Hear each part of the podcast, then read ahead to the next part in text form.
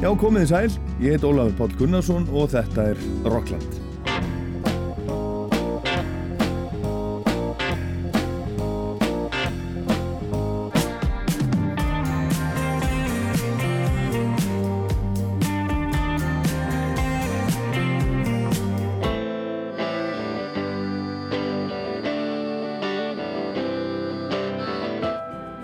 Í Rockland í dag eru tveir tónlistamenn í brennidepli, annars vegar ung og áhugaverð tónlistarkona að vestan og svo nýláttinn tónlistamæður frá Englandi.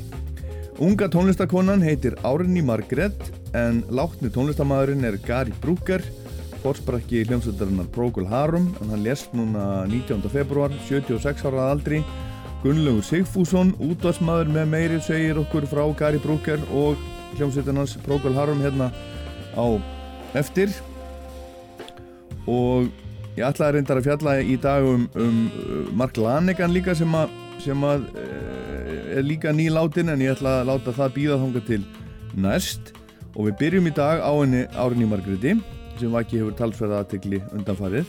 En fyrsta fjögur að laga EP-plataninnar kom út núna á fastu daginn Kondu sæl, Árni Margret Sæl gaman, gaman að, að heyri þér og, og sjá þig hérna, mér langar að sko, ég, ég veit svo, svo, svo lítið um þig þú ert bara einhvern veginn hérna, ný, ný einhvern veginn og, Mhm. og þú veist hvaðan ertu og hvað ertu gömul og allt það Ég er tvítug og ég er ísfyrðingur.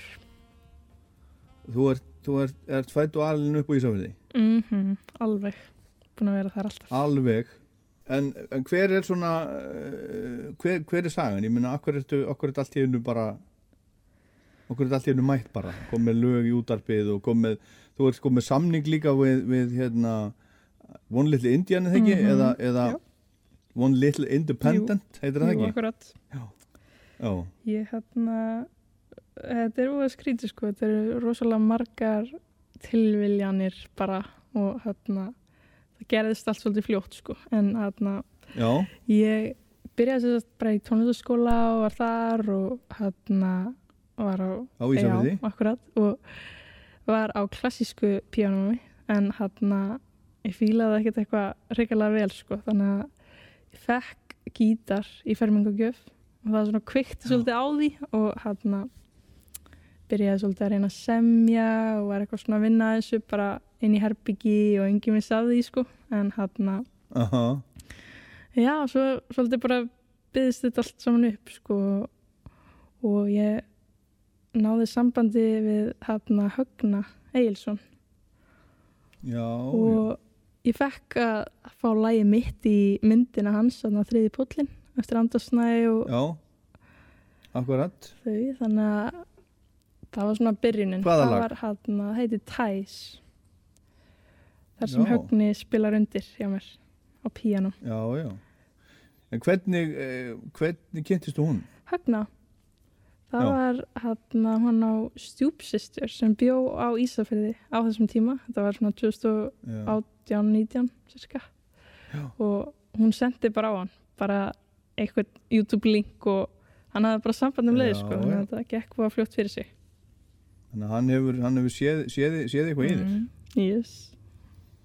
En varst ekkert búinn að vera að spila opinberlega? ég hef búin að vera að spila Tónleikum. smá sko, eitthvað hérna svona, svona þá? bæjarhátti svona um kring og lista sýningar svona og bara svona eitthvað í kring sko, flatir, Ísafjörð Bólungauk, Já, svona litlar já, hátir þannig að þú varst ekki þú varst ekki barinn í herbyggi þú varst ekki það feimin eitthvað að þú vildir ekki fara, fara að sína þetta nýst þar Ég var mjög feimin sko, þetta byrjaði svolítið seint að hérna byrja að koma fram sko, en hérna, Seint, þú ert tvítug, come on jú svona miða við veginn, hana, en ég var svolítið lengi inn herpi sko, tanga til ég kom út. Já, en En fólk, já. fólk þarf bara sinn tíma Mm akkurat. En, en hvernig, hvernig hérna, kynntistu svo honum kitta í hjálmum sem ég, sem ég veit að þú ert að vinna með Mm Það var í rauninni högni sko. Ég, alltaf þegar ég kom suður þá hitt ég hann og við spilum saman eða fórum í stúdíóið eða tókum eitthvað upp svona lítið sko en hann Þú og Högni eða þú, Högni þú og Kitty? Já, já. Og- svo hitti ég hann einhvern tíman bara núna í apríl og ætlaði bara að stoppa stutt fyrir sunnan og kannski spila eitthvað og fara svo aftur. En hann lengdist hans úr því að því að högni eitthvað svona já, ef ekki að hitta þetta kitta hjálm og kíkja á hann í stúdíóið og, og ég alveg, já, já, við gerum það bara. Og þetta var svolítið svona Já. bara já, bara já, ok, ég veit ekkert hver þetta er. Og googlaði hann eitthvað og vissi ekkert hver þetta var eða þannig sé á undan. En svo mætti ég bara þarna og, og spilaði tíu lög og kom svo Spilaði tíu tíu lög? lög Vá. Þannig, og svo kom ég bara aftur og spilaði tíu lög og Já. það var bara rest is history sko. En þekkt, þekktur ekki Kitta? Kitta í hjálmum og bakkalút og, og hérna... ég var eitthvað þú veist, Högni sagði sko Kitty Hjálmur og ég var eitthvað Kitty Hjálmur ok, skildi ekki neitt Já. Er það ég bara ekki Kitty í Hjálmum en það var einhvern veginn algjört svona eitthvað rugl í hausnum á mér sko. en þarna þegar ég var búin að googla hann eitthvað og svona, það svona komið aðeins. En ég var ekkert að Já, ég var ekkert að frík út sko þá. Ég vissi bara ekki neitt. En, en er það ekki rétt hjá mér að, að, að uh, þú, þú átt bara hreinlega heima, heima hjá honum í dag? Jú, ég er svona ég flakka svolítið á milli og fæ að vera þar svona þegar ég er hér fyrir sunnan sko. Þannig að það er bara Já, mjög næs já, hjá honum og, og frú Marju. Mhm, og börnum Akkurat. Við ætlum að heyra hérna, heyra hérna uh, fyrsta lægi sem að þú sendi frá þér, sem að, allavega sem ég heyrði, Intertwined. Mhm. Hvað getur þú sagt okkur um þetta lag? uh, Ég samdi það lag út í Danmörku og þetta var svona við dreymdi eitthvað draum og það kom svona margar svona einhverja gamlaðar minningar og svona rugl þannig að ég svona bara nýtti mig það svolítið og samti lag þannig að það er í rauninni bara lagið sko Gammalt rugg, hvað, hvað er rugg? Já, bara svona alls konar sem hefur gengið í gegnum sko. Alls konar. Já, skulum hlusta. Mhm. Our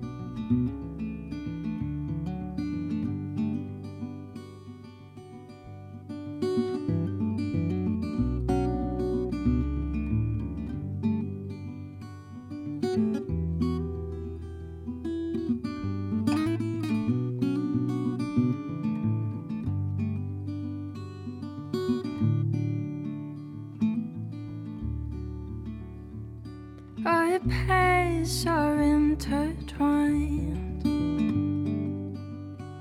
Few years and you'll be fine.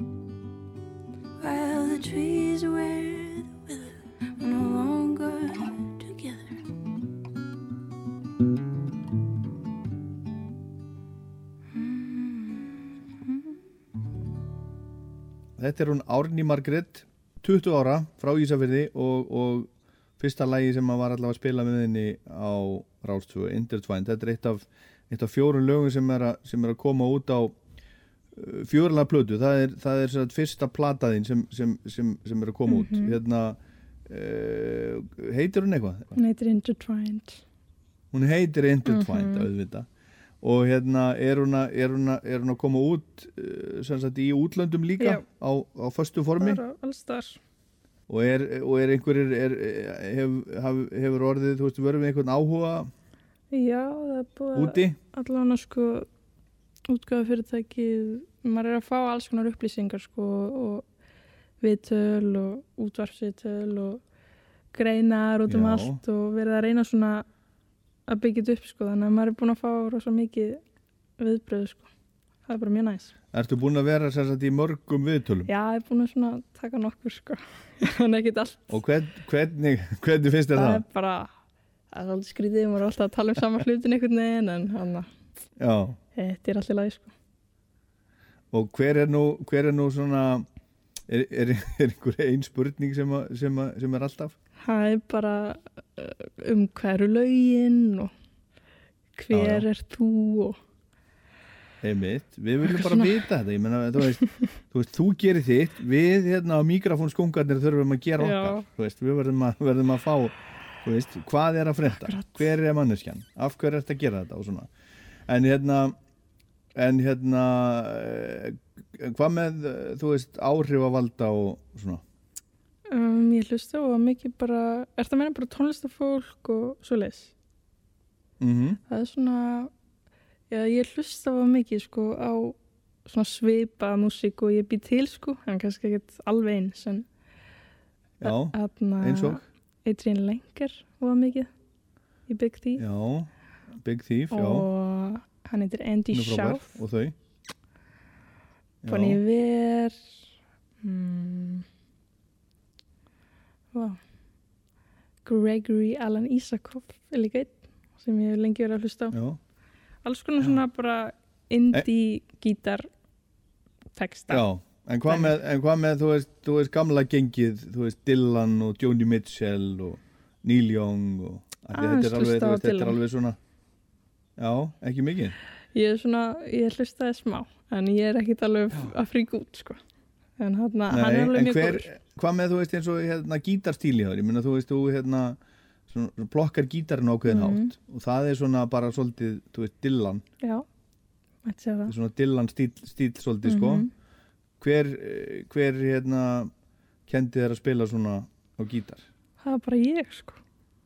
Bara þú, þú og YouTube? Já, og svona ég var mest sko hlusta á lög og hlusta eftir þeim og las svona tabs á netinu í rauninni sko já, og svo bara já, var ég aðeins í viku sko og var bara eitthvað að reyna. Bara neti Já, þannig að ég bara læri svolítið sjálf sko. Þannig að þú mæli með, með tabs Það er múða pyrrandi sko. það- já, það er, það er, fri, það er, leið, það er leiðilegt leiðilegt leiðilegt mm Já. Þetta er svolítið starffræði og, rugg sko en hérna ég bara, til að byrja með það svona, bara gaf ég mér svolítið tíma í þetta og reyndi að læra og af því mér fannst lagi flott og þá bara einhvern veginn gekk það upp sko. Þannig ég svona bara þraukaði gegnum það sko. Er, eru, eru, sko, eru skólar kannski bara að verða úreldir? Ég meina það er þetta að læra allt á netinu. Þú getur orðið sérfræðingur um næstu hvað, bara um hvað sem er á, bara með því að gramsa á netinu og leita Í og horfa rauninni, og sko. hlusta og lesa. Já, mætti segja það. En er samt sko, ég held að vera bara að finna einhvern veginn rétta fólki til að kenna þér og, og ef það virkar, þá virkar það. En hann mm kannski, ég veist eins og mér, það var tónlistaskólinn meira með sko klassískan gítar og ég fann mig ekki alveg þar, þannig ég svona bara, þetta er bara eina sem ég hef núna og það bara ger ég það. Ó. En, en, en, en spilar ennþá á píanu? Ég spila henn á piano en ég er kannski ekkert best sko.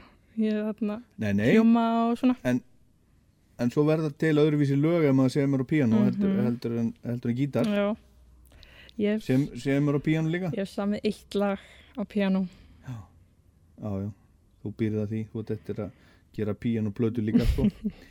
talandi um fyrirmyndir þú veist, þú veist, varstu með ykkur, voru ykkurir tónlistamenn svona plakut upp á vekkja þér þegar þú varst yngri? Nei, ég raunin ekki sko. Nei, Það var bara ekkert mikil tónlist á heimili. Ég svona svolítið... Er það ekki? Nei, ekki þannig sko. Þannig sé sko. En hérna ég, ég svolítið bara fann þetta svolítið sjálf og byrjaði að róta sjálf sko. Finna það sem mér fannst Já. flott. Hlusta á... en uh, þannig að það voru ekki þá fóreldræðinni sem að komu þér í tónlistaskólan Mamma gerði það af því hún komst ekki Ok. í tónlistaskóla þegar hún var yngri sko. En hérna, hún komst ekki, þannig að hún var að láta draum sinn rætast í gegnum já, þig okkur sískinu sko. Þannig við fengum öll að fara í tónlistaskóla en hérna, það var bara svona til að gefa okkur eitthvað eitthvað svona annað dæmi sko. og það var bara mjög næs, ég er mjög þakklátt fyrir það sko. já, já já, já, það er, það er hérna, það, það, það breytir lífinu að fara í tónlistaskóla Mhm. hjá flestum lífi verður betur og skemmtilega, þetta ekki saman á Jú. því Já. Herðu, við skulum heyra næsta lag Mhm. sem er Ak Akureyri Akureyri. okkur, okkur ertu með lag um Akureyri það sem heitir Akureyri sko, þetta heitir unni veist, Akureyri kom bara og varð eftir sem nafn sko, það átti ekki að heita Akureyri. Þetta var svona bara til að muna eftir og sjá í já. lögin sko, en var bara svona þetta er svo- svona vinnuheiti. Já, í rauninni, en er, er þetta ekkit um Akureyri eða samtur það á ég Akureyri samtið á Akureyri og það er málið Já, en í rauninni er það ekki beint um Akureyri. En svona það fer í kringu það sko hvað gerðist á Akureyri? ég fór við fórum hérna Kitty líka. Það voru hjálmar að spila. Gistum hann í ykkur húsi og, Já, og var með gítarinn og þetta lag var til. Já, já, já, já, ok. Mm -hmm. Hlu- hlustum á það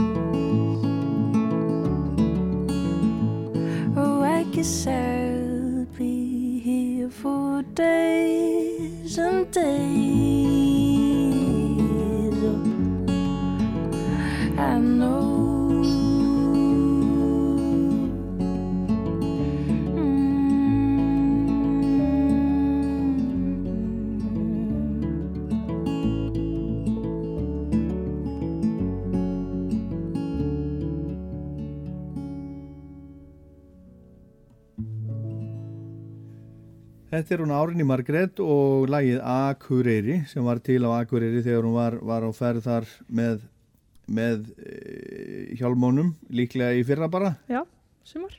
ekki? Já, í sumar, sumar bara. Já.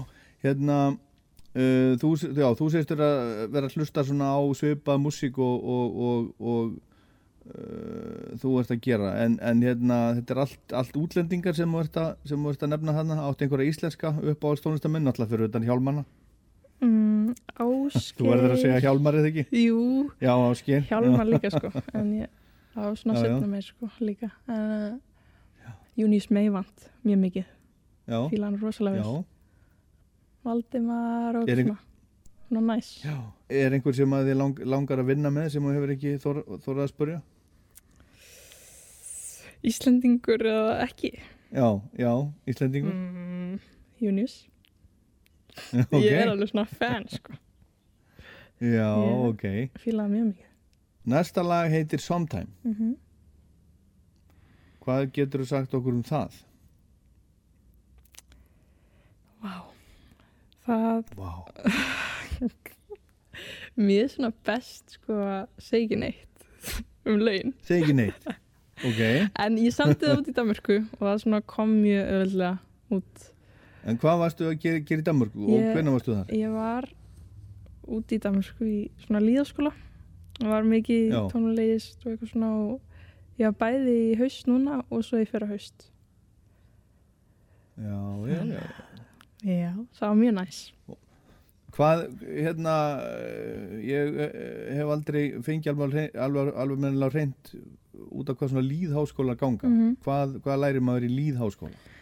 Sko allavega þessi sem ég var í þá hérna þá erum við svona hundra nefnendur og þú velið bara uh, svona subjects eða áfanga eða eitthvað svona sem þú vilt gera sko og ég valdi mér hérna songwriting eða lagasmíðar Já, og tónlist svo. Og þá er ég bara með bandi eða er að búa til lög sjálf sko. Þannig að ég svona valdi mér alveg bara tónlist og bara sökti mér orðið það sko. En þú getur gert í rauninni Frábært. hvað sem er. Og svo ertu bara með vinum og allt í rugli Já. og gaman og skemmtilegt sko. Þú vilt ekki segja um samtæm, við skulum bara hlusta á það. mm hlustum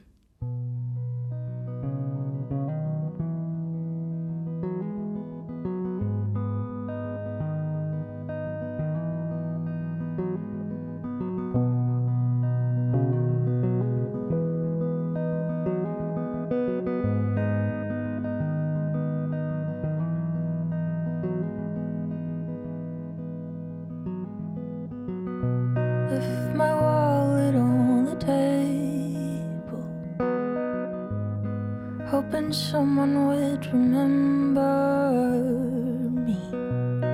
Guess I got all the good that I get. Cause the time is running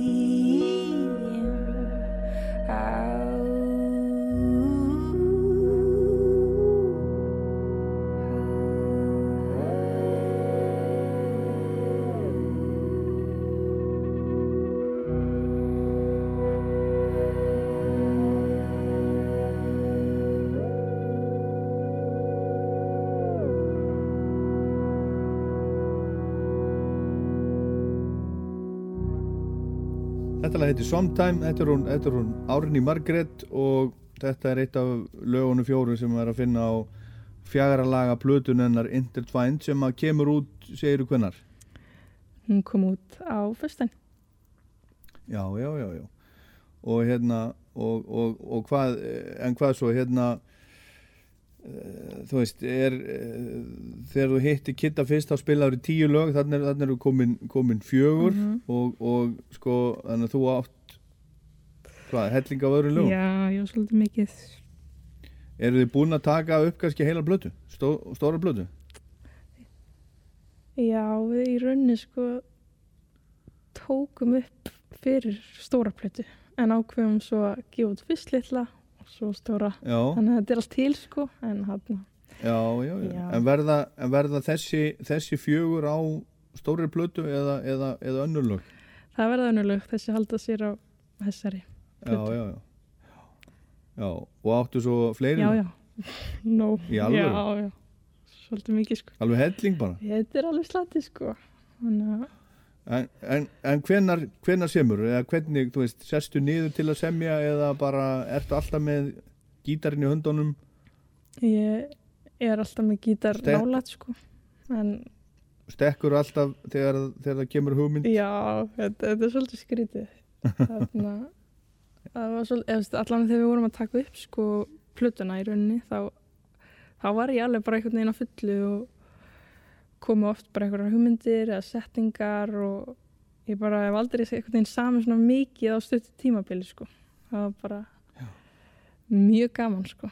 En vanalega er það bara, það bara gerist eða gerist ekki og ég sest og ég spila og stundum kemur textin með og alltaf sama tíma eða bara textin eða þú veist vanalega ég get ekki búið til lag nema að setja textin með þannig að þetta er svolítið bara annarkur textu undan eða texti með lagi á sama tíma þannig að þetta er svolítið flæðið bara Já. Hvernig, hvernig lítur svo, svo árið út? Og einn stór spurning, mm Er COVID búið? Ég veit það ekki, kannski. Nei En hvernig, hvernig lít, lít, já, við skulum, við skulum vona það Vona En hvernig, hvernig lít, lítur árið 2022 út hjá þér? Um, ég er að fara að túra í mæ, vonandi. Já, Um, að það gangi upp. Það er, undir eigin nafni eða, eða hit upp fyrir einhvern eða? þá er ég að fara að hitta upp fyrir, já, líka einn af uppáhalds tónlistamennunum mínum um Evrópu. Já, sem er? Leif Vollebeck heitir hann. Já, já, já, já. Mhm. Þannig að það, já, ég vona bara að það gangi upp, sko. Í mæ. Já, og hvernig, menna, þú veist, er, ert að fara þá ein, verður einhver með þér? Það verður bara örgulega Kitty og svo flæðum við svolítið bara með bandinu hans, sko. Það verður líklegast bara ég, sko. Og ég og gítarinn, Já, svona til þess að halda, halda budgeti, sko. Já, en Kitty ætlar að ætla með þér? Já, ég held að, ég held að sé mjög líklegt. já. Uh ok. Herðu, síðasta lagið af plötunni sem við ætlum að heyra, svo er reyndar eitt lag til viðbóta sem við ætlum að heyra. En síðasta lagið sem við erum á plötunni, það heitir In Tall Buildings, það er ekki eftir þig, Nei, það er ekki eftir mig. heldur, John Hartford heitir hann. sem að er hver. Ég veit ekki hvað mikið um hann, en hann er svona country, hann er svona country, gaur. Já, já, ég- en okkur er þetta lag, þarna, Sko, ég heyrði cover á þessu lagi með hann um Já. hann Gregory sem ég segði frá hann og hann þetta hefur lengi verið bara alveg svona uppáhaldslag sko, textinn og lagi sjálf sko. Og alltaf þegar ég kom fram senstu svona tvö ár þá hef ég raunin alltaf spilað þetta lag. Þannig svona svolítið uppáhalds já, já, já, og ég kann það alltaf. þannig að ég kann textan saman hver ég er Ok, sem er mjög næst þannig að já. Skulum lusta á það.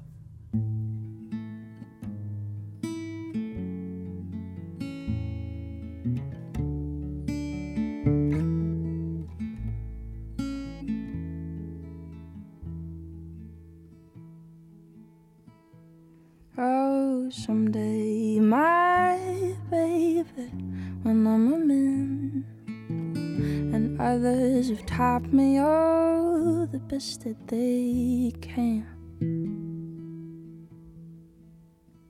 Oh, they'll sell me a suit and they'll cut off my hair, and they'll send me to work in tall buildings.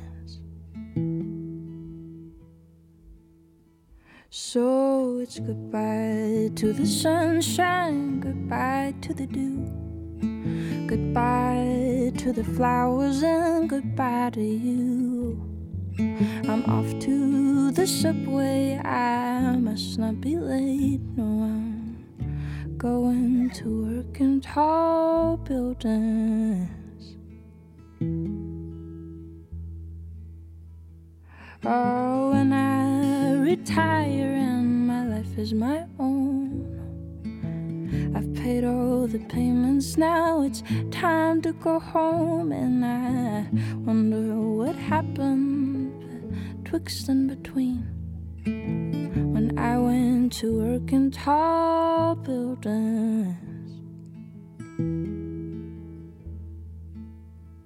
So it's goodbye to the sunshine, goodbye to the dew, goodbye to the flowers, and goodbye to you. Oh, I'm off to the subway, I must not be late. I'm going to work in tall buildings.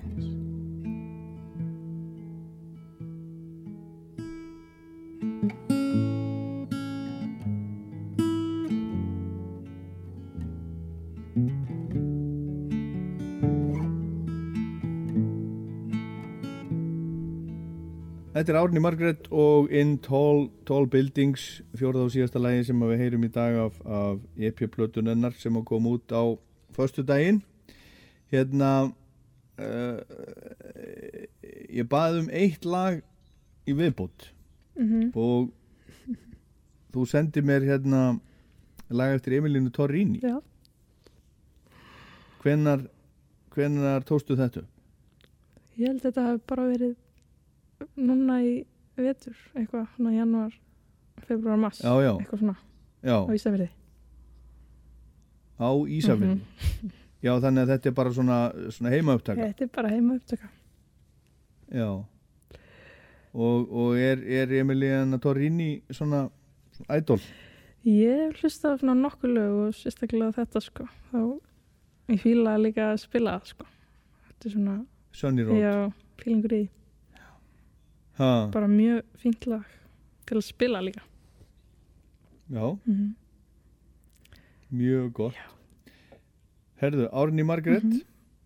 ég óskaði þér góðs gengis. Skulum vona að COVID sé búið Mhm. og, og ég hlakka til að sjá bara og heyra, heyra meira frá þér í framtíðinni. Jeps. Og takk fyrir henni að tala við mig. Mhm, Takk fyrir að fá mig. Takk, bless, bless.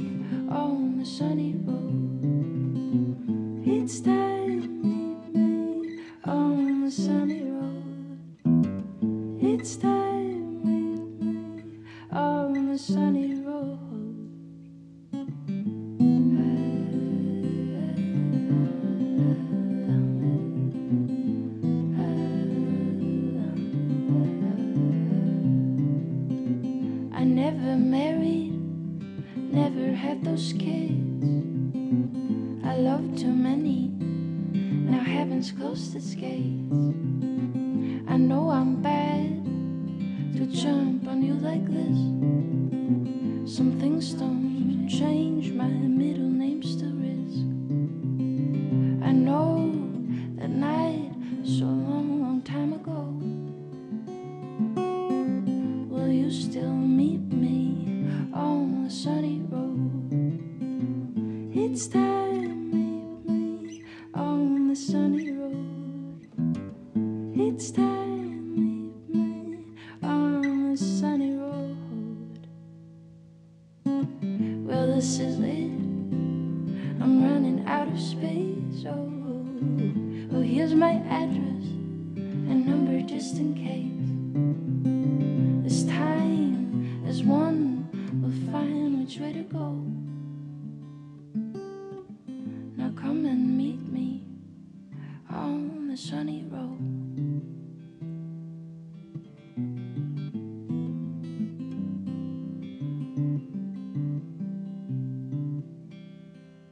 Já, þetta er Rockland á Rás 2 og þetta er hún Árni Margrét og lagið Sunny Road eftir Emiliunu Torrini.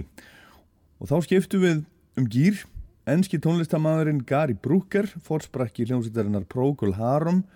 Hann lést núna 19. februar síðastliðin, var merkilegu náingi og mista einhverst eitt á lögunum hans er eitt af stærstu og þekktustu lögum rocksögunar, A Whiter Shade of Pale. Gunnlaugur Sigfússon, útvarsmaður með meiru, einn af þeim sem var með plötuskápin á Rás 2 fyrir nokkur máru til dæmis og var svo með þætti bæði á Rás 1 og Rás 2 hérna í gamla daga. Hann er mikill aðdáandi Gary Brooker og ég náða platan til mín úr Borgarnesi, þar sem hann býr á Akranes heim til mín til að segja mér og okkur öllum frá Gary Brooker og Procol Harum. Og hvað er ég að byrja? Og verður velkomin í Rockland. Já, takk fyrir. Og, úr Borgarnesi. Já, takk fyrir. Á blíðan á leiðinni. Já. Ekki, ekki málið að skjótast þetta. Já, já. En hvað er hérna, eh, ef að, ef að byrja? Ef ekki bara byrja í, í London, bara gera stuttan stans þar, þar fættist Gary Brooker 1945 og síðan flutti hann nýjára gammal, þá flutti hann til uh, Southend Sea sem er við Ósa Thames, Já, norðamegin við Ósa Thames. Norðamegin en samt heitir það Já, South Southend, samt þetta er Southend. Southend. Á hverju ætli það, það sé? E ekki spyrja mig. Nei, ok það er, já, ég var einmitt að hugsa þetta.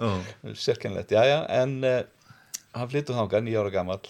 Hann fór um fljótlega að læra á, á piano og svo lærði hann eitthvað blástusljóðfæri, hotn og, og básunu eða eitthvað svo leiðis.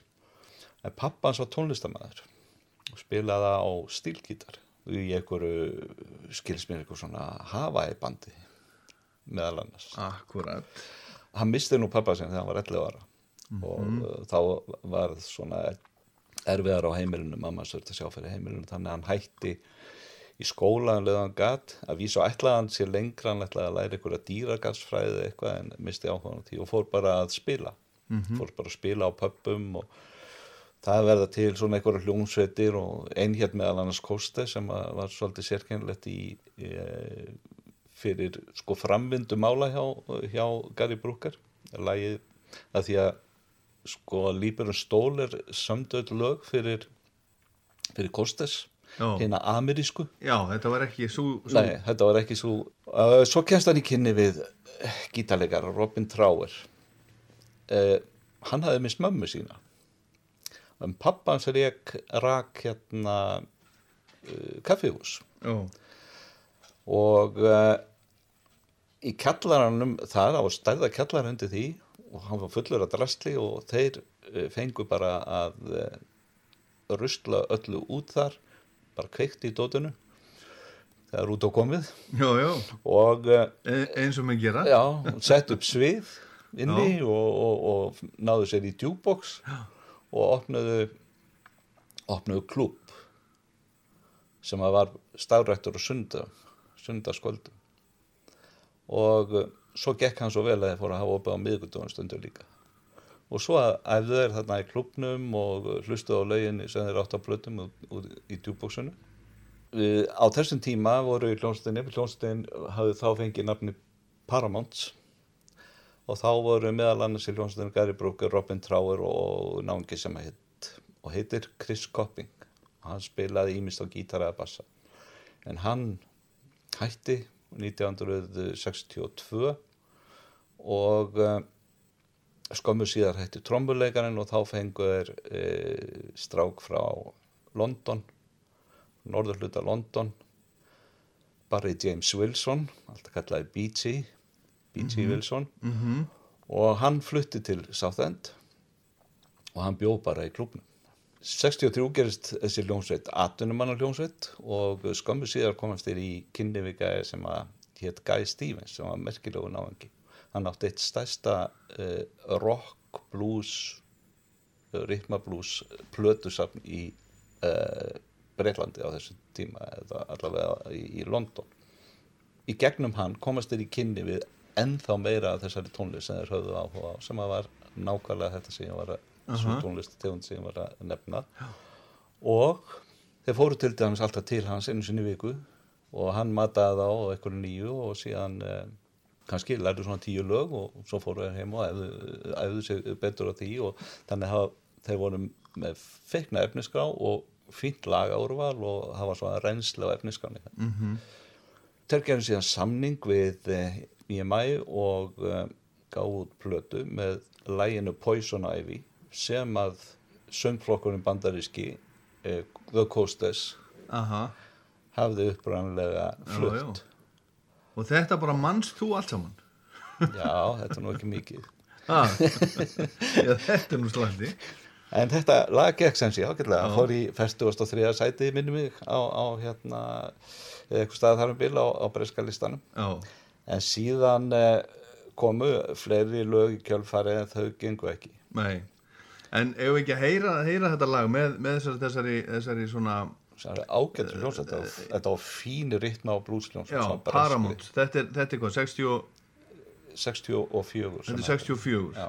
Þannig eru, þetta er svona Já, þannig eru Beatlarnir komnir og Rolling Stones og, Já. og, og þetta er svona á þeim, þeim tíma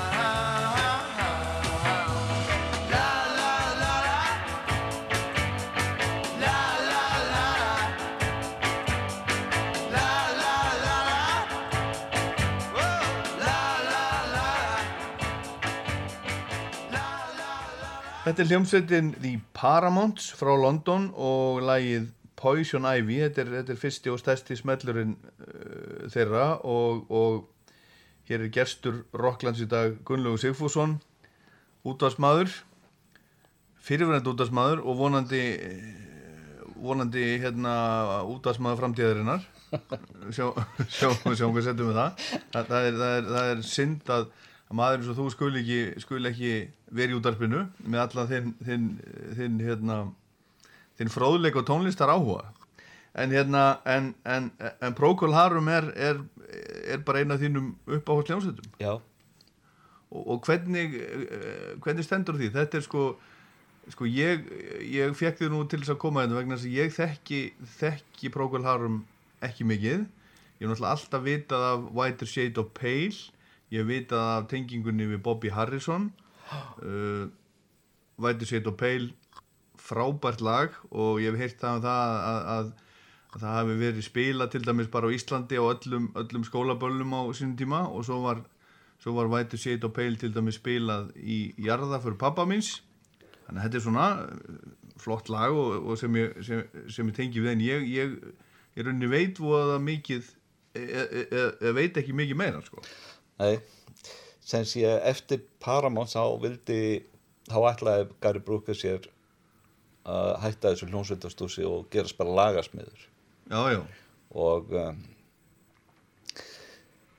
þá kemur Guy Stevens flutusafnarinn góði aftur til sögunar og kom hann um í kynni við eh, textahöfund sem heiti Keith Reed og þeir ákveða að stopna hljómsveit. Keith Reed spilaði ekki hann inn í hljóðfæri en hann var alla tíð uh, meðlumur í þessar nýju hljómsveit sem setna fekk nafnið Procol Harum eða ekki alla tíð, lengst af var hann eh, meðlumur í þeirri hljómsveit.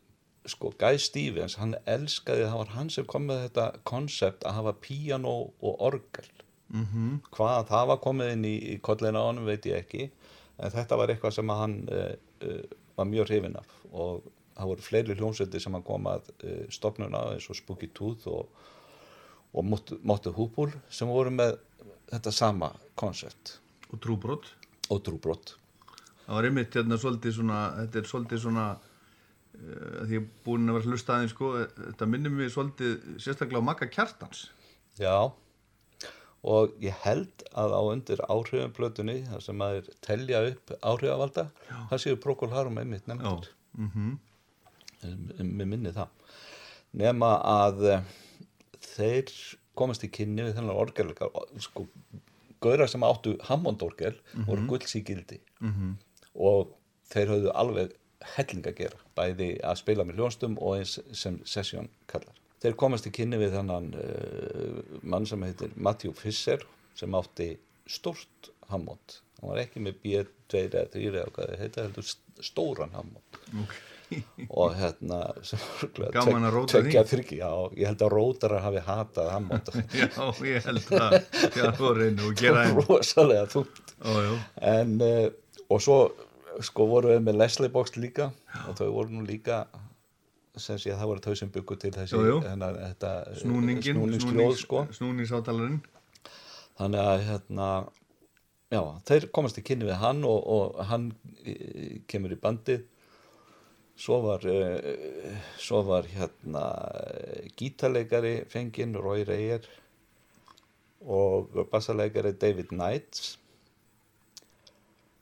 En það vantaði trommuleikara. En umbóðsmaðurinn vildi að þið færi í stúdíu og þetta lag var tilbúið. Uh, það er byggt á uh, ég veit ekki hvernig, hvað maður þýðir það á íslensku það er Aaron G eftir Bach. Akkurat Uh, þetta er úr, þetta úr hljónsveitasvítu nummið þrjú eftir Bach þetta lag eða þetta, þetta stef. Og Brúkar sem sé semur þetta. Já, eða það er hugmyndir, þetta hafi verið notað í einhverja vindlauglusingu já, já, sem að syndi hefur verið sínd í bíóhúsum eða eitthvað svoleiðis. Og, og hérna sagt, með, með lægin, lægin, læginu tilbak já, með læginu tilbaka og hérna og Brúkar fer að fykta við þessa melodíu endaði með því að nota bara pínlítið úr henni. En síðan kemur sko þegar Matthew Fisher kemur þá bætir hann um betur og býr til þetta intro og þessa, þetta orgelspil sem að er náttúrulega gífulega einkennandi fyrir lægið nema þeir fara í stúdjó og eru með session trommara sem ég var nú að viðkenni, ég man ekki hvað heitir. Nú, þú veist bara ekki neitt. Ok, þetta er að heita Keith eitthvað. En, en, og þeir taka upp þetta lag uh, fína upptöku. Og hafa sagt að uh, maður nafni Denny Cordell sem að uh, próduseraði og fleiri hljónstur á þessum tíma hafi próduserað þetta en hann var ekkert að staðnum. Hann var svo upptekinn, hann var með Joe Cocker líka hann var svo upptekinn að, hérna, sinna honum að hann var ekkert á staðnum þannig að, en hann fekk samt þetta skráða á sig sem, sem já en uh, síðan ráðaði trombuleikara sem er nýlátin lí, er líkt og, Gary Brooker sem hétur Robert Harrison hann kallaði Bobby Harrison. Aha, og um, Íslendingum að góðu kunnur því að hann bjó hér um tíma setna og hann er ráðin sem trombuleikari þá fannst þeim ómögulegt að eh, að eh, vera að gefa út plötu þar sem trombuleikari hljómsættarinn væri ekki. Þannig að þeir fóru aftur í stúdíó og tóku lægið upp. Gunnlaugur Sigfússon heldur áfram að segja okkur frá Gary Brooker og Procol Harum hérna rétt á eftir. This is Sam Bean from Iron and Wine, and you're listening to Rouse Tua, Rockland.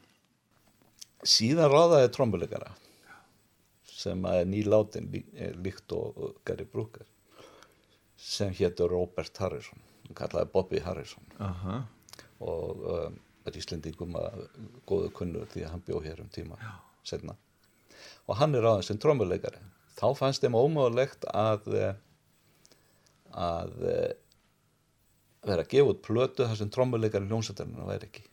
Þannig að þeir fóru aftur í stúdíó og tóku lægið upp aftur. En með Bobby? Með Bobby Harrison. Þannig að hann spilar á Nei. læginu Nei, hann spilar ekki á læginu vegna þess að upptökurnar með honum þóttu bara ekki eins er það? Þannig að það er orginal upptakan sem að kom út. Bobby Harrison spilar hins vegar í læginu Lime Street Blues sem er á björliðinu á hlutunni Já, já, svo þetta í einu lægi bara? Já, Já, síðan tókuður upp stóra plötu þar sem hann spilaði, tóku upp henni og, og hann og Roy Reyr heldur því fram að þeir höfðu spilað þar, en það er ekki rétt þau teip eru til og þau voru tekin þegar að nýjasta útgáðnar voru gefnar út af þessari fyrstu stóru plötu þeirra.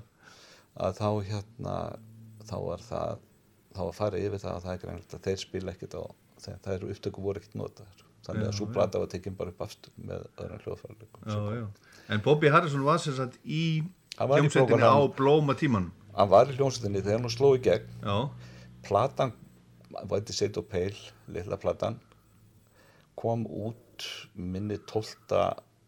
mæ 1967 Summer of Love já, Summer of Love bara rétt á undan Sgt. Pepper sem kom út 1. júni og uh, hún er komin í fyrsta sæti í Breitlandi 20. júni og var í, á toppnum í fimm vikur þetta er mest selda smáskjöfun í Breitlandi á þeim tíma og er hún hefur selst í yfir 10 miljón meintaka sem er það geysilega er mikið rosalega mikið fyrir litla, litla blödu Já, það er, er það bara það er bara með því mesta sem að, sem að manstu hver er mest selda smáskífa allra tíma? Maður ekki hugmyndu það. En 10 miljónir Það er rosalega smáskífu það er bara, ég, ma ég man ekki eftir að hafa heyrt svo, svo háa tölu sko. Nei, ég man eftir sko Well og Kintayan með McCartney fór í rúmlega miljón og Ian Dury hitt mér við því á Rhythm Stick eh, fór í miljón þeir, ég veit ekki hvort þeir hafa staðið við hann þeir ætluðu að hætta að selja hann þegar hann fær í miljón en hérna, þannig að það er, þetta er ekki mörg lög sem að hafa rosa í miljón, hvað þá tíu miljón og það er búið að gefa út uh, um það byrð þúsund útgáfar af þessu lagi. Já. Með mismunandi flytjand þúsund. Já. Vá, það er rosalega en hérna, en sko svo er hérna uh, ég var með að lesa sko það að menn hafa lengi verið að vera stúdur en að texta Já. og þeir hafa ekkert vilja að segja um það en þetta eru bara einhverja svona þetta eru einhverja svona surrealiskar myndir bara. Já, Keith Reed var hann var fýtt textahöfundur. Já, og, og er sjálfst ennþá en hérna það skil ekki allir textanars Nei. og, og sumir, sko sumir eru ílskiljanlegir það er ekki Skip the Light Fandango og svo þetta er svona það er gaman að fara inn á netið Já. og skoða pælingarnar hjá fólki Já, já. hvað, hvað þetta þýðir það eru svo það eru svo sko, súrar sumar að það er alveg eftir á skýringar geta oft verið mjög já. En, en getur ekki bara verið að, að hann hafi verið bara stóndið á síru Jú, jú, og bara skrifaði eitthvað niður jú, jú, það er mjög sennilegt sko. já, það ekki? Jú, jú. Herðu, við skulum hlusta á þetta frábæra lag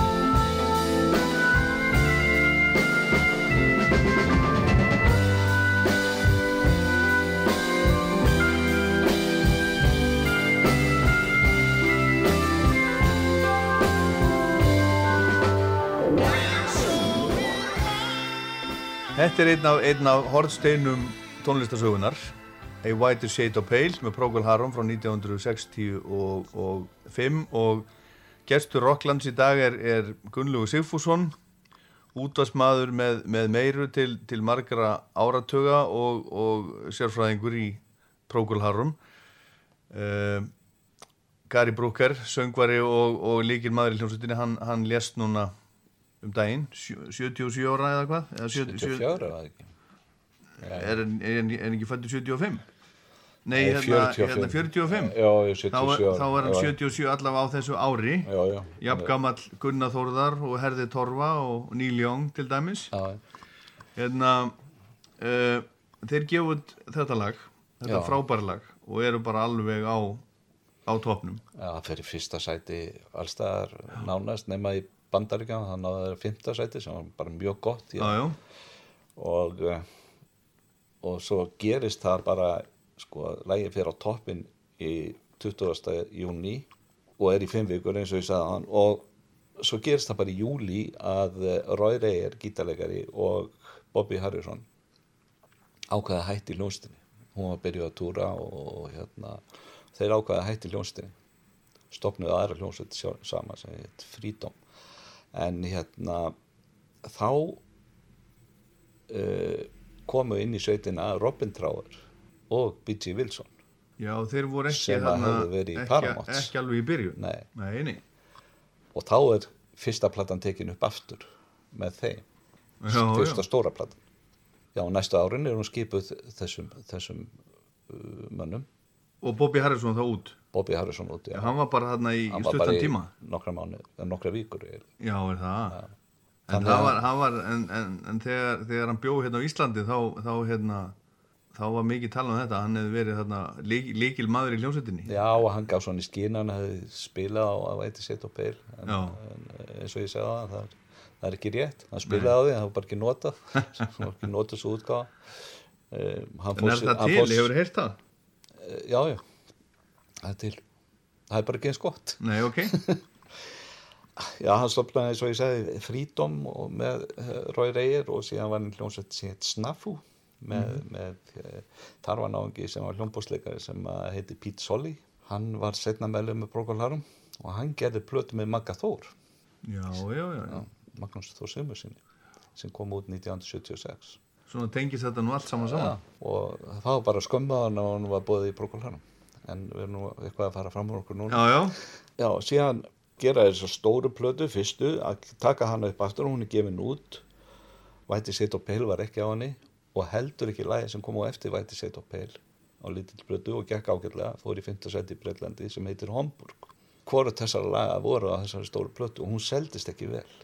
En Homburg er að mínum að þetta feikilega gott lag og hann vildi nú þannig til að sumari 1967 var ég í sveit ég var 12 ára, í sveit í Skagafirði þannig ég misti að vinsældum að White Shade of Pale. En ég aftur á móti keifti Homburg þegar það kom út. Já, já. Heyrum það. Ok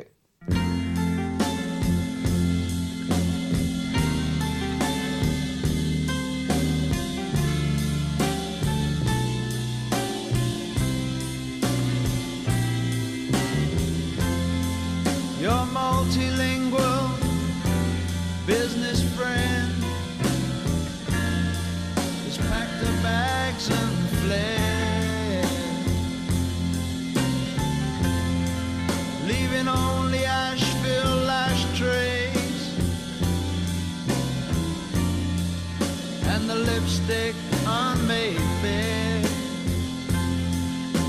The mirror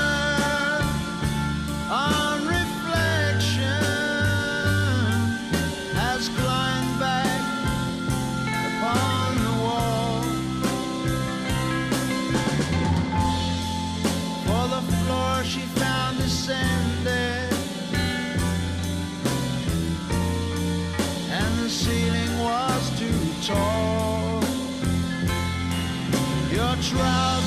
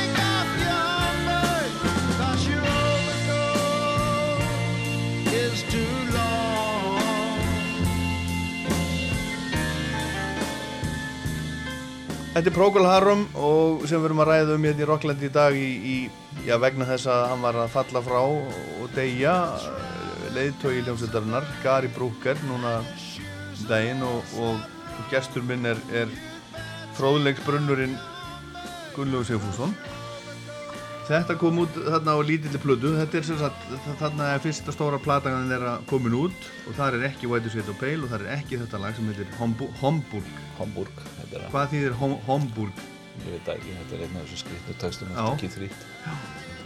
Svo er lag hins vegar sem var björliðinni sem var á stóru plötunni, eh, Good Captain Clack, þetta, mér þótti það rosalega skemmtilegt, það er svona hálgjörðu slagari. Ok, Eh, en það var ekki með einu hálf mínúta.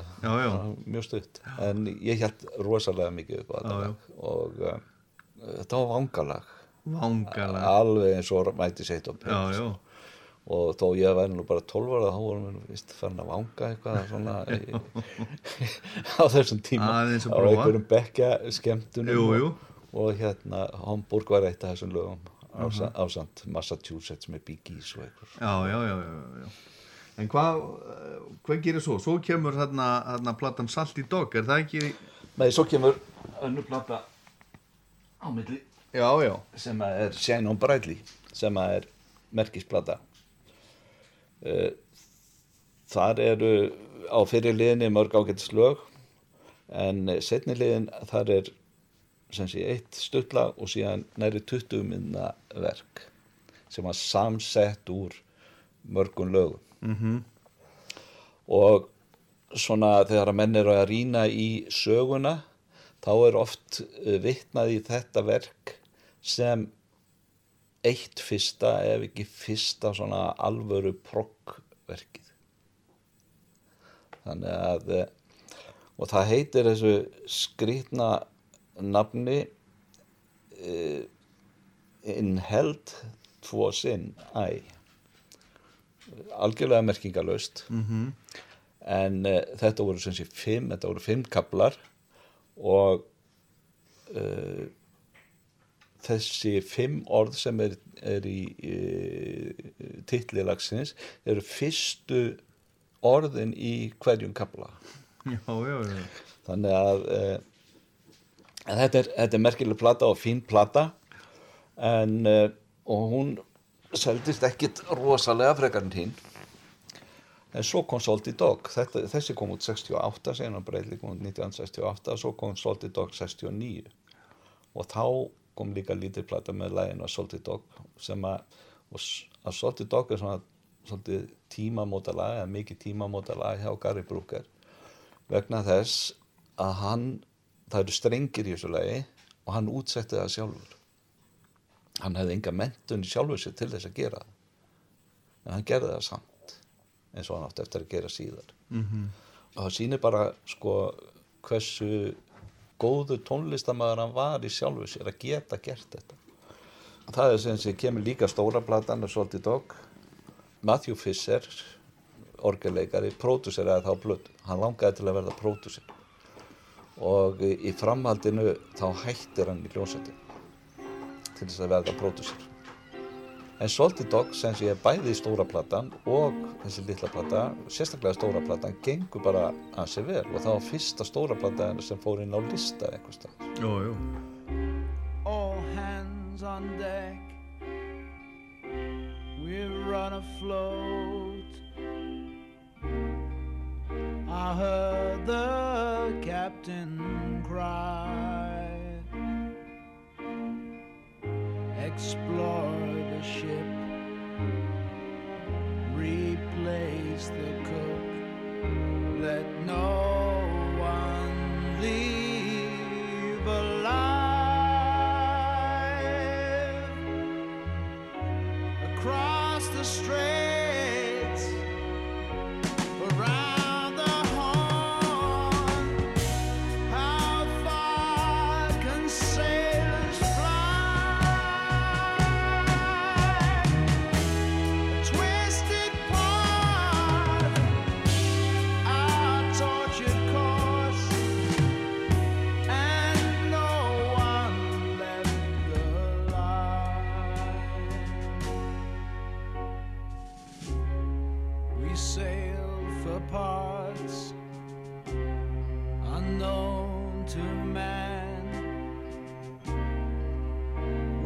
ships come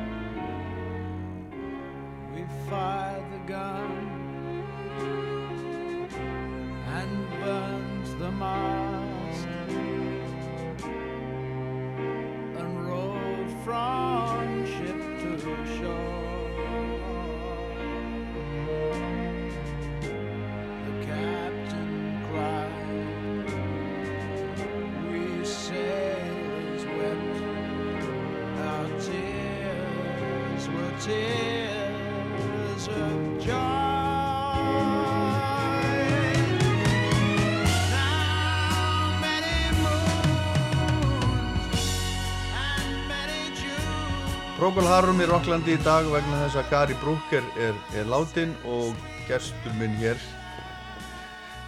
í Rocklandi á Akranessi, Gunnlegu Sigfússon úr Borgarnessi eða býrðar allavega allavega í dag já, já. Herðu, hérna uh, þetta er hvað? Þetta er 69 Þetta er 69 síðan er liðið mörg ár. Síðan liðið mörg ár. Uh, eftir þessa blötu hætti Matthew Fisher orgelegari í hljómsveitinni og uh, David Knights bassalegari hætti líka.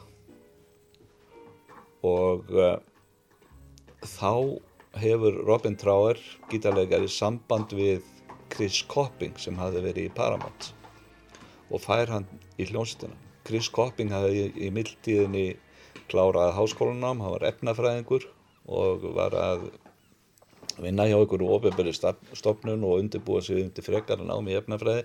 En hann hálf leittist þetta þannig að hann, hann var fljótur að stökkva til og hann nú raunar eitthvað byrjar að spila með öðrum áður en hann var fljótur að stökkva til og, og, og ganga til liðsveiljónstina og sem bæði bassa og orgelleikari. Að- þannig að á tónleikum að ef hann var að spila orgelega þá spila hann líka fótbassan bara. Já, já. nema að e, þessi útgáfu hljómsveitarinnar e, þessi fjóramanna útgáfu hljómsveitarinnar er sem sé eru allir þar eru allir meðluminnar höfðu áður verið í, í, í Paramounts. Það vísu ekki allir alveg á sama tíma en allir höfðu spilað með Paramount þannig að þeir gefa út sem sé 1970 kemur frá þeim platan Home og síðan eh, 1971 kemur uh, plata sem heitir Broken Barricades sem var fyrsta plata sem þeir gaf út á Chrysalis í Breitlandi þeir voru á, á, á M í Bandaríkjan en uh, uh, síðan og þessar plötur seldu svona tokkarlega þegar áttu sinn uh, aðdánda hóp og þeir voru tildur stóri í Bandaríka síðan gerist það að þeir spila einhvern koncert í Kanada með symfóníu hljónsveit Robin Trower fannst það alveg hræðilegt í að þeir þurftu að spila svo lágt af því að symfónían var ekki nógu sterk. Og hann var með eitthvað pínulítið magnara og, þarfræðandi göttunum og hann sagði þegar það kom tilbúðum annar svona dæmi þá sagði hann neytak ég er farin að hættur. Og stopnaði þessi degi band, Robin Trower band. Nema sem, sem að var það nokkuð stórt og var nokkuð stórt nafn. Það kemur sem sé tilbúð frá Edmonton í Kanada um að uh, gera samskona dæmi þar spila með uh, symfóníu hljómsveit.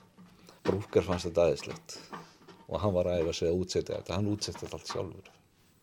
Og þeir þykja þetta þeir fá nýjan gítarleikarein sem að hér Dave Ball fara til Edmonton. Á leiðin til Edmonton í flugvélunni þá uppgötar uh, Brúker það að sennilega eru efniskráin ofrýr, hann þyrfti minnst eitt lagi viðbútt þannig að hann ákveður að taka upp á slag fyrstu plötunæra sem er Conquistador heitir lagi og útsetja það líka. Og hann satt við þetta í, í flugvélun á leðinni þegar þið komið til Kanada og lendur í vandra með uh, að fá hljóðfærin tollafgreitt og eitthvað svona vesen þannig að þeir gátt ekki æft almeðlega með hljónsettinni og endanum á æfðu þeir eiginlega nánast ekkert þetta lag. En þeir byrjuðu koncertin að því. Mhm. og síðan var það gefið út á lítillu plötu Já. og sló í gegn tónleikarnir voru teknir upp á, á, hérna, eh, og gefnir út á stóru plötu sem að líka sló í gegn og þetta er sennilega þessi plata sem sé Live in Edmonton er sennilega þeirra vinsalasta plata þetta plata. Við viljum heyra þetta lag. Conquistador. Conquistador Conquistador. Og ég held ég taki hérna ílkristalflöskuna af hundinum. já ég held að það væri bara ráðlegt það ekki? ef áður en að fessi róa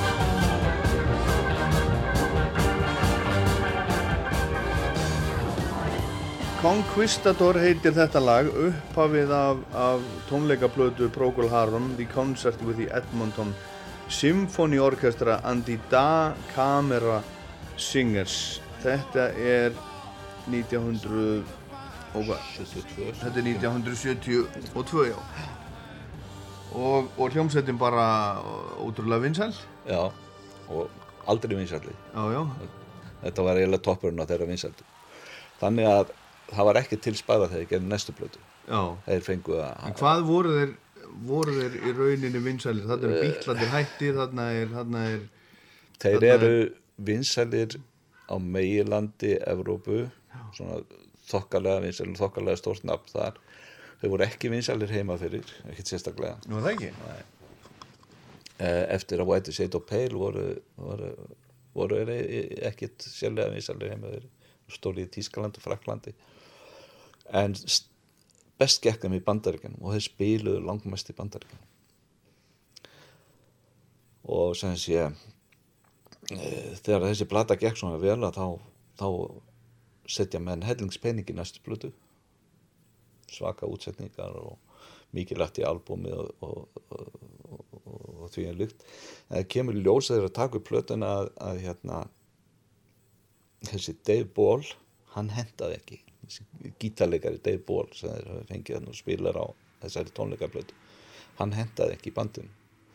Þannig að hann hættir og það kemur í stað hans, kemur uh, náungi sem heitir uh, Mick Grabham og uh, raunar, við glemdum að, glemd að segja frá því að, að sem sé á tónleikaplötunni var komið til söguna bassarleikari sem að þetta er Alan Cartwright og þannig að Chris Coppin var bara orgeleikari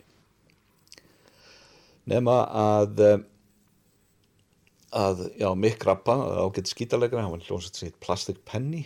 Þeir höfðu átt eitt hitlag Everything I Own sem var vinsælt 67 nema að uh, hann fýtt gítarleikari og hann smelt passaði inn í þetta og uh, hann döbbaði nú eitthvað, eitthvað það var hent út sem þessi gítarleiknum frá Dave Ball og hann döbbaði inn eitthvað um gítarleikarna og eitthvað spilaði hann sjálfur. Og uh, platan sem kom út 73 heitir uh, Grand Hotel. Og uh, frábær plata finnst mér. Og ég spilaði hann alveg í tætlar mm -hmm. nú en við ætlum að samt ekkert að, að hlusta á neitt af henni heldur vind okkur í næstu plötu sem kom út 1974 þá bara bandið einskipað mjög þétt og fínt. Chris Thomas, uh, pródúseraði sem að að sem týtti að, að hljómur var mjög þéttur og, og flottur. Hann allt sem Chris Thomas kom nálægt á þessum tíma var Sem var, sem var hvað? Hann, hann var til dæmis með Rox- Roxy Music og fleira og síðan uh, var hann maðurinn sem að uh, lendi í því að pródúsera nefnumænda Bollocks með uh, Sex Pistols Já, já. og bjóð til þetta flotta sound sem er á þeirri plötu Já, hann er sagt aðal, aðal hérna, pródúser á þeirri plötu. Já, Það var nefnilega ymsir búin að koma að því hérna já, á undan. það var búið að gefa út en það er hann sem fer að marktrakka hérna gítarana hjá uh, Jones Gekkjuplata. æðislega plata En hún er svolítið sérstök, hún er svolítið, ef maður hlustur á hann í heild, það er svolítið mismöndi sónd á henni. Já, það er að því hún er tekin upp ég minna fyrst kom Anarchy in the UK uh, já, og það er allt annars sound það er eiginlega ekki fyrir en að fyrir en að uh, Virgin kemur til God Save the Queen er líka sko Anarchy in the UK er sem sé EMI síðan kemur Save the Queen sem AOM ætlaði að gefa út. Og svo kemur Virgin til skjálana og þá kemur hérna hann Thomas inn í þetta.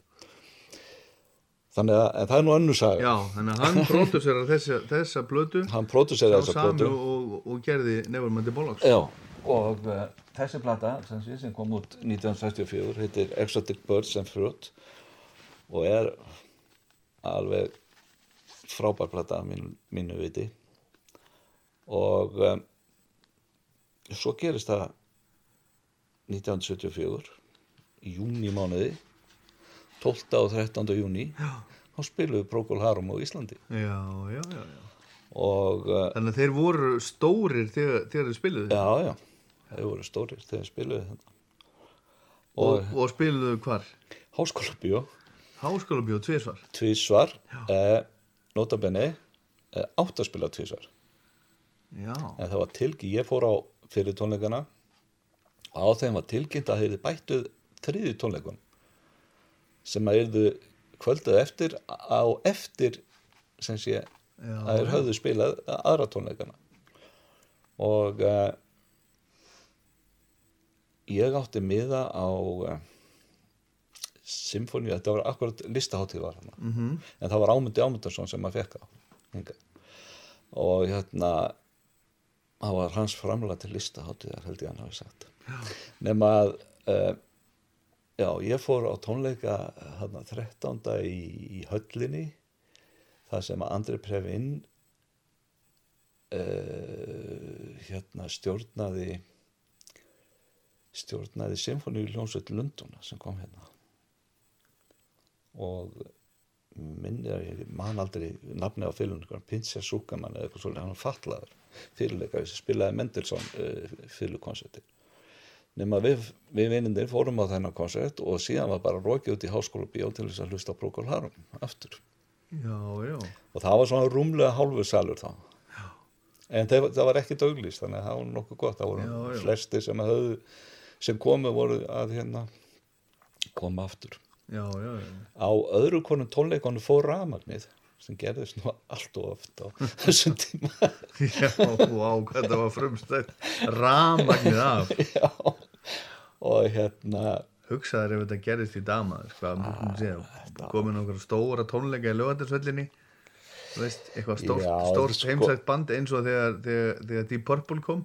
Já það og bara ramagnið af já það var tekið af þá. Já, en gerist það ekki nokkur sinnum? E, jú sko það var tekið af. Þeir, er mér sagt eftir nokkuð áraðalum heimildum Já, það var tekið af þegar starfsmenn hallarinn að þeim leist ekki á ástandið þegar að, e, þessi kolbrjólaði gítarleikari sem var Ritchie Blackmore var farin að stúta gíturum já, og hérna held að myndi bara skemma eitthvað þarna og gera allt, allt vittlust og það er, þannig að þið tóku rafmagna þá var náttúrulega allt vittlust og hérna og uh, mikið læti. Ritchie Blackmore ekki skemmt og hérna rafmagnin kom á aftur og þeir komu fram aftur. En var, þá var Gaurin komin í vondskap og, og hérna enda, þetta endaði ég man ekki henni hvernig þetta endaði. Nei, nei. En hann var með sko hann var með sinn svarta stratokaster og svo var hann með sko ég man ekki hvað voru margir sko hvítir uh, fendir stratokastera sem að voru raðað upp hann og það voru þeir sem hann ætlaði að stúta sko. Já, já, hann stútaði bara einu og eitt vinur minn sem átti hérna, strengur honum upp á, upp í hillu á sér hann var næstu búin að skýri sundur á sér hendina að, að hérna reyna, reyna að ná honum á einhvern meðrum en Procol Harum sem það voru ekki svona lætið í þeim hérna, Voru þetta góð, góðir tónleikar þetta? já, fínir tónleikar. Fínir tónleikar. Og um, en, eh, og eins og ég segi, þessi plata hana, Exotic Birds and Fruit er fín plata.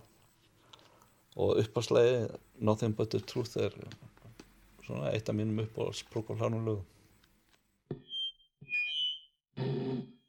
Is it on, Tommy?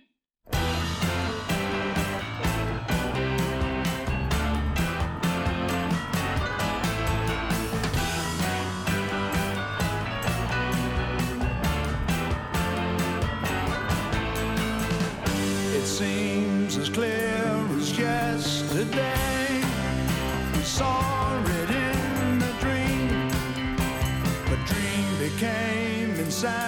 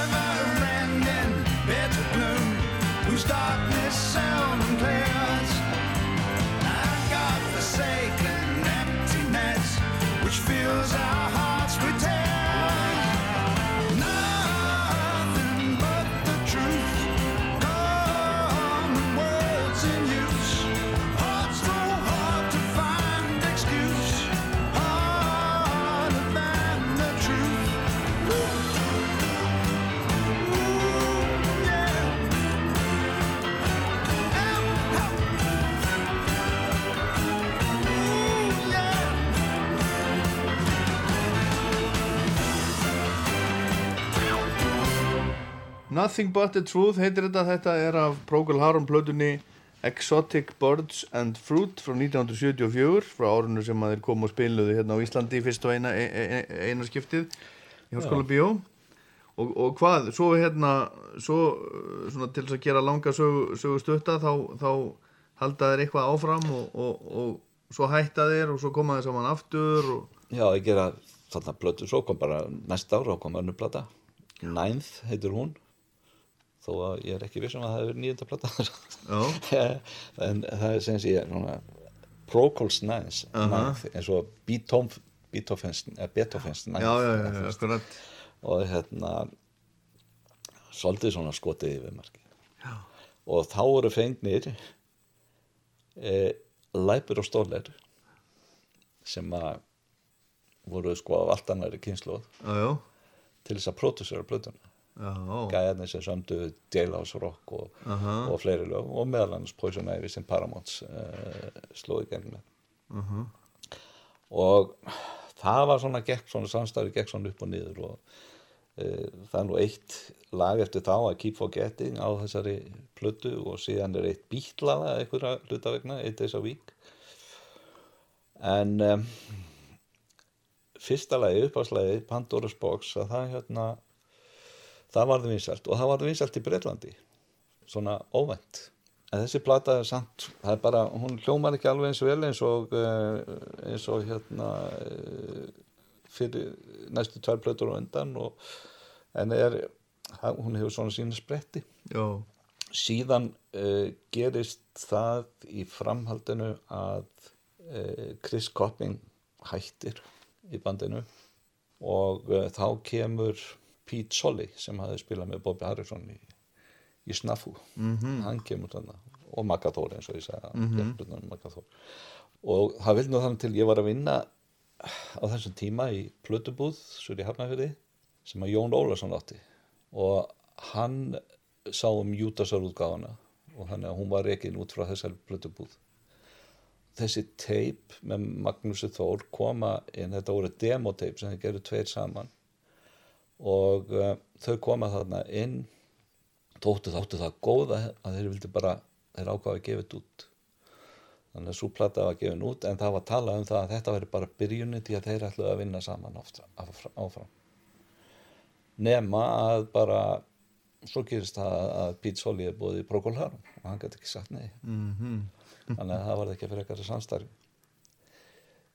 þannig að mér eh, sett þetta á sín tíma og þeir gera eina plötu með Solly sem heitir Something Magic. Og bara í stuttumáli það er bara lélegasta plata þeirra. Og svo gerist það að þeir fara á, á tónleikaferð þetta band í nýjustu útgáðun af þessari plötu Something Magic þar er tónleika uh, efni frá þessum tíma og það er hansi gott. Bandið var ekki slemt ég, ég skrifaði þetta á pródusjón og það gera allir og svo í framhald þessu það hættu þeir bara. En, en svo, svo er erfitt að hætta. já, en Gary Brooke fór og gaf út einhverju soloplötu sem að voru bara sagt að segja ekki góðar og, og hérna eh, eru bara eiginlega batsins tíma. Það er svona, það er ekki það er ekki elst vel, gaf út þrjár soloplötur og 1980 þá gekk hann í hljómsveit Eris Klaftons þeir bjuggu nálat hvoraðurum stunduðu sama pöppin og uh, það voru einhverju fleiri, tónlistamenn sem bjuggu þarna og þeir komu saman um helgar ef þeir voru á sta- eh, og spiluðu á þessum pöpp bara já. og þeir eruðu góðu vinnir og endaði með því að Brúka gekk í hljómsveit Klaftons og spilaði hann á tveimur plötum, liveplötu sem hann tekið upp í Bútókan og svo Another Ticket sem kom út 81 en það sem situr mest eftir að þeirra samstarfi er það að Gary Brooker var stanguðin maður Já.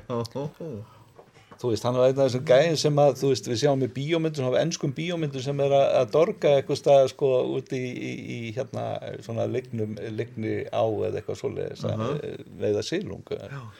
Og hann, sem sé, er fluguveiðin maður. Og hann, hann kennir klaftun að veiða. Já, já. En eins og, eins og ennú með klaftuna, hann hérna náttúrulega tekur allt einhvern veginn í botn, drikju hér á nöyslu og hvað, hvað eina. Þannig að, að, hérna, fisk, stanguðin var tekin líka svona. Hún kemur frá Gary Hún Brooker. kemur fór Gary Brooker. Það er merkilegt. Já. Og þess vegna kom, kom Clapton svo til Íslands. Já, já, Þannig að við getum þakka, þakka Gary Brooker. Það, Já, að já. Hann hefur verið að veiða lags hérna á... já, já, er veiði leifis hafið skilsmið í einhverju stóri lasviða á fyrir norðan. Já, já. Það kom inn í það í fyrra.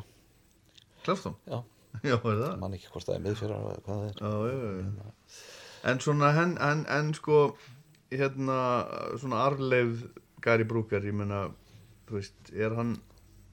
Saga Procol Harum var náttúrulega ekki búin, þeir komu saman aftur 91, gerðu tvær plötur, stúdíóplötur sem að Matthew Fisher var, hann var á þeim báðum. B.J. Wilson dó 1990, trommuleikarinn. Gary Brooker var þá byrjar að vinna þessa fyrri plötu, Prodigal Son heitir hún. Og hérna notaði bara trommu heila því að Wilson var í kóma inn á sjúkrahúsi og Burkar fór með teip og spilaði fyrir hann af því að hann var viss um að hann myndi vekja hann með því vegna þess að- B.J. Wilson hataði trommuheila Já, já, já. hann myndi, hann myndi sé, vakna við þetta og hérna og uh, vilja tromma þetta sjálfur en það var nú ekki en það var nú lítið af þessum trommuheilum sem var út á plötunni endalega hún svolítið svona 80s plata en Já, já. svo gerði ég eina plötu viðbótur og svo hætti Matthew Fisher og þá byrjaði ég heilmikið leiðindi. Því að Matthew Fisher vildi fá greitt fyrir höfundarétt af Wendy Set og Pale og uh, það sem sé urðu málaferli út af því fór fyrir uh, öll dómstig sem að voru í Breitland á þeim tíma endaði í einhverju sem sé House of the Lords hann sem, sem sé lávarða, tengt lávarðadeldinni og það var einhver gamalt kall sem vissi hvorki hausinni sporða á höfundaréttarlögum eða, eða öðru slíku. Og hann dæmir Matthew Fisher höfundarétt að læginu með Gary Brooker en hann fekk 40% á móti 60% hjá Brooker. Er að segja af læginu Keith Reed átti náttúrulega textan en þó þannig að uh, þetta miðaðist við þann dag sem að öll réttarhöldin byrjuði sem, sem voru 2004 eða 5 eitthvað svo þannig að eh, mjög skrítin dómur. Já, já. En svo er hérna, hann var alltaf að spila. Hann var að spila og, spil, og, og, sem, sem bara prókularum. já, Já, já, og hérna bara fínt band já, já. gáð Pluto 2017 sem heitir Novum sem er bjara, já svona ekki þeirra besta en, Nei, nei. en allt er lagi plata en þar bregður þannig við að hérna Keith Reed er ekki með textahöfundur fyrsta skipti aftur á móti gerir Pete Brown textana, Pete Brown sem sé gerir texta við lög eins og uh, Sunshine og, Já, og, Cream. og White, Cream, White Room og, Já, já. og, og fleiri Cream-lög og síðan bara Jack Bruce eftir það hann gerir þe- þessa texta sem eru byggðir á bóðalónu tíu þetta er samt ekki, ekki trúaleg plata heldur sem sé eitt, eitt, eitt lagi fjallarinn framhjóhald og annað um, um uh, stuld eða, eða morð eða, og það framstu gott sko. Mikla pælingar. mikla pælingar. Já, já, en svo dó hann bara núna og það var, var krabba minn já, krabba með sem sem fór með hann. hann, um, já, blessaði kallinn hann, hann var skyttið, hann spilaði mjög mikið og, og, og, og þessi, þetta band spilaði bara þó nokkuð mikið og ágættisband, fínir hljóðfæralegarar og oft með svona stórum hljónsöldum í hljónsöldum og, og slíku. En það er merkilegt þegar maður lesa um þetta tímabil hann var alltaf að detta. Hann var alltaf að detta og slasa sig en það er ekkit það kemur hverki fram af hverju hann var að detta.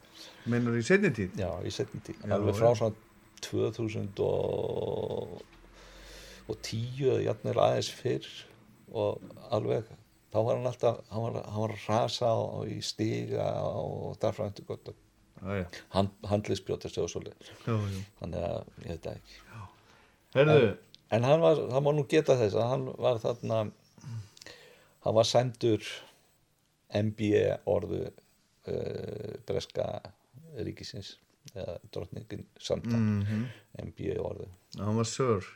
Nei, hann var ekki sör, sör hann var uh, sem sé a member of uh, the British Empire Member of the þetta er British það sem, Empire. þetta er það sem að bílarnir fengu fyrst Já, já, já, já. og, og flest, flestir svona fá, sem eru að fá þessar orður við skilst þetta sem svona leggsta orður Gary Brooker, Gary Brooker og nú er hann farin. Rest in Peace. Já. Herðu, og síðasta lægi sem við ætlum að heyra. þá var hérna, lag, lagið af nýjöndu af Procols Ninth Pandora's Box. Það er- Pandora Box. það, er, það er sérkennilegt að dýrleiti að það eru hérna, að, spila á marimbu í því. Það var einhver marimba sem að uh, einhver hafi glemt að skila uh, í, til hljóðfærlegu uh, sem sé sem láð þarna í stúdíón og þeir fóru að fytti þess og, og hérna lægið er, var, lægið er gamalt. Það var, var upprænanlega sami bara, þetta er bara með fyrstu lögunum en það var ekki notað fyrir þessar plötu. Gunnlaugur Sigfússon, takk fyrir komuna og fyrir að segja okkur þessar sögur. Algjörlega blaðlaust og bara upp á minni. já, Og já, takk, takk fyrir.